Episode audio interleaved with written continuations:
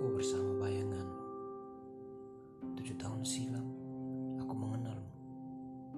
Namun sekarang, aku baru bisa mengungkapkan apa yang ada dalam pikiranku dan dalam hatiku. Tujuh tahun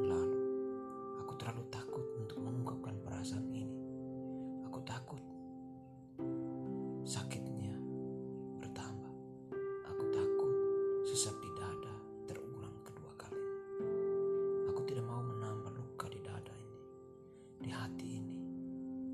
Aku tidak mau semuanya menjadi hancur hanya karena ungkapan sebatang kata.